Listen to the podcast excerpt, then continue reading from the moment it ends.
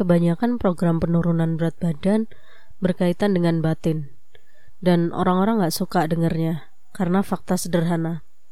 Bahwa kalau memang sangat sesederhana itu, seorang coach bisa saja ngasih kamu rencana diet dan latihan, maka nggak akan ada masalah menurunkan berat badan atau jadi fit. Kalau misal semudah baca buku tentang bahagia, maka kamu nggak akan pernah memiliki masalah karena nggak bahagia. Kita semua akan menjadi orang yang bahagia lahir batin, tapi kenyataannya tidak sesederhana itu.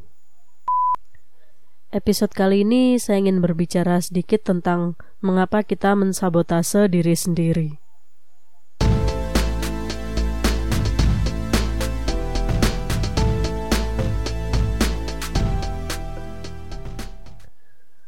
Alasan kenapa kita sering mensabotase diri sendiri adalah karena dua hal.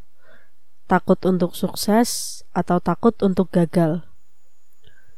Sekarang bagaimana cara kita berhenti mensabotase diri sendiri? Cara yang pertama adalah menulis jurnal. Menulis jurnal adalah salah satu cara termudah untuk mengenali suara dalam kepalamu, atau saya lebih suka menyebutnya naratif dan hal utama yang saya lakukan adalah menuliskan semua pemikiran dan perasaan yang saya rasakan tentang suatu subjek. Entah itu tentang hubunganmu dengan pasangan, tentang tubuhmu, atau tentang kesuksesan finansial. Kamu tuliskan saja semua ketakutan, semua harapan, semua mimpi, semua pemikiran negatif yang muncul. Misal, setiap kali aku mencoba, selalu gagal Terus kenapa harus repot-repot coba lagi?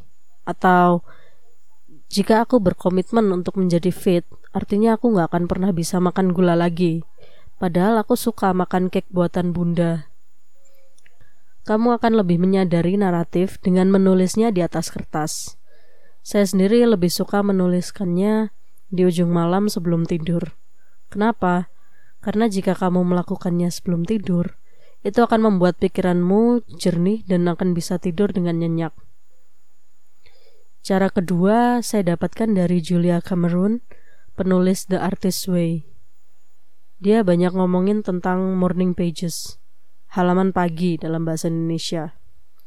Pada dasarnya morning pages ini adalah ketika kamu bangun tidur, terus kamu punya pikiran yang mengecewakan, pikiran negatif, hal-hal buruk yang ada di kepalamu kamu taruh semuanya di selembar kertas, dan ketika kamu menaruh pikiran negatifmu di atas kertas itu, sama seperti membersihkan pikiranmu sebelum menjalani hari. Ide dari morning pages ini adalah kamu membersihkan semua sampah yang ada di kepalamu, sehingga kamu dapat memulai hari dengan lebih fresh dan gak akan ada yang mematahkan semangat atau menghalangi harimu. Sekarang caranya adalah ambil selembar kertas, tulis semua ketakutan dan hal negatif yang terlintas. Misal, saya takut gemuk seperti ini terus. Saya nggak mau mati muda.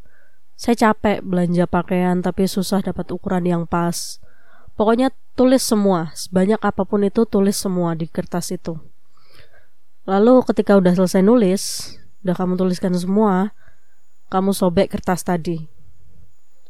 Kamu sobek atau kamu bakar kalau perlu. Eh, uh, tapi pastikan kamu punya tempat yang aman ya untuk bakar-bakar. Safety first, jangan bakar-bakar di sembarang tempat.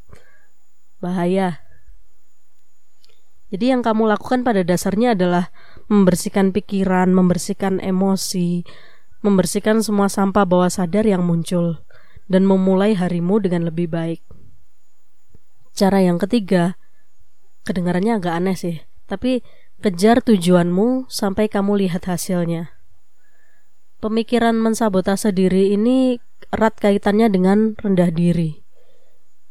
Misal kita nggak percaya kita bisa melakukan sesuatu, maka alasan kita mensabotase diri kita adalah karena kita mau membuktikan ke diri kita sendiri bahwa tuh lihat aku nggak bisa kan. Dan kebiasaan seperti ini nih sangat licik satu-satunya cara untuk tidak mendengarkan naratif bukan hanya dengan memvisualisasikan atau mengafirmasi, tapi dengan menjalani hidup dan membuktikan pada diri sendiri. Misal saya mau merilis podcast. Ya sudah, saya rekam, saya upload ke internet. Wala, saya punya satu episode podcast. Dan saya dapat sedikit kepercayaan diri karena saya tahu saya bisa melakukannya. Atau saya bilang saya nggak akan makan manis selama sisa minggu ini. Dan saya melakukannya maka saya juga dapat sedikit kepercayaan diri karena saya tegas untuk membuktikan bahwa saya bisa melakukannya dan saya adalah orang yang bisa sukses. Kalau kamu berhenti, maka kamu hanya memperkuat si naratif bahwa saya adalah orang yang gampang menyerah. Saya tidak bisa melakukan ini. Saya tidak akan pernah melihat hasil apa pun. Tapi jika kamu terus berjalan, bahkan dengan tujuan yang tidak terkait, misal kamu mencoba mendapatkan lebih banyak kepercayaan diri untuk lebih fit pada saat yang sama kamu sedang menjalani hubungan yang serius dengan pasangan atau mengikuti perlombaan atau menulis buku atau membuat kerajinan yang membuat kepercayaan dirimu naik maka aspek lain dalam hidupmu juga akan terbawa jadi sangat penting untuk terus berjalan sampai kamu melihat hasilnya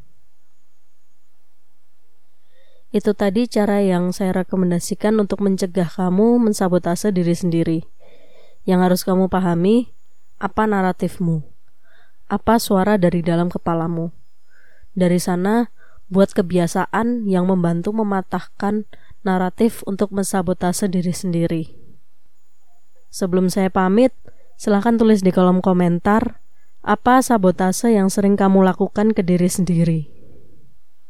Kamu bisa share jawaban kamu di Instagram Gubis Podcast at Gubis Podcast G U B I S P O D C A S T. Boleh komen atau kirim DM. Jangan lupa di follow juga ya. Sampai ketemu di episode selanjutnya. Dia signing out. Stay healthy.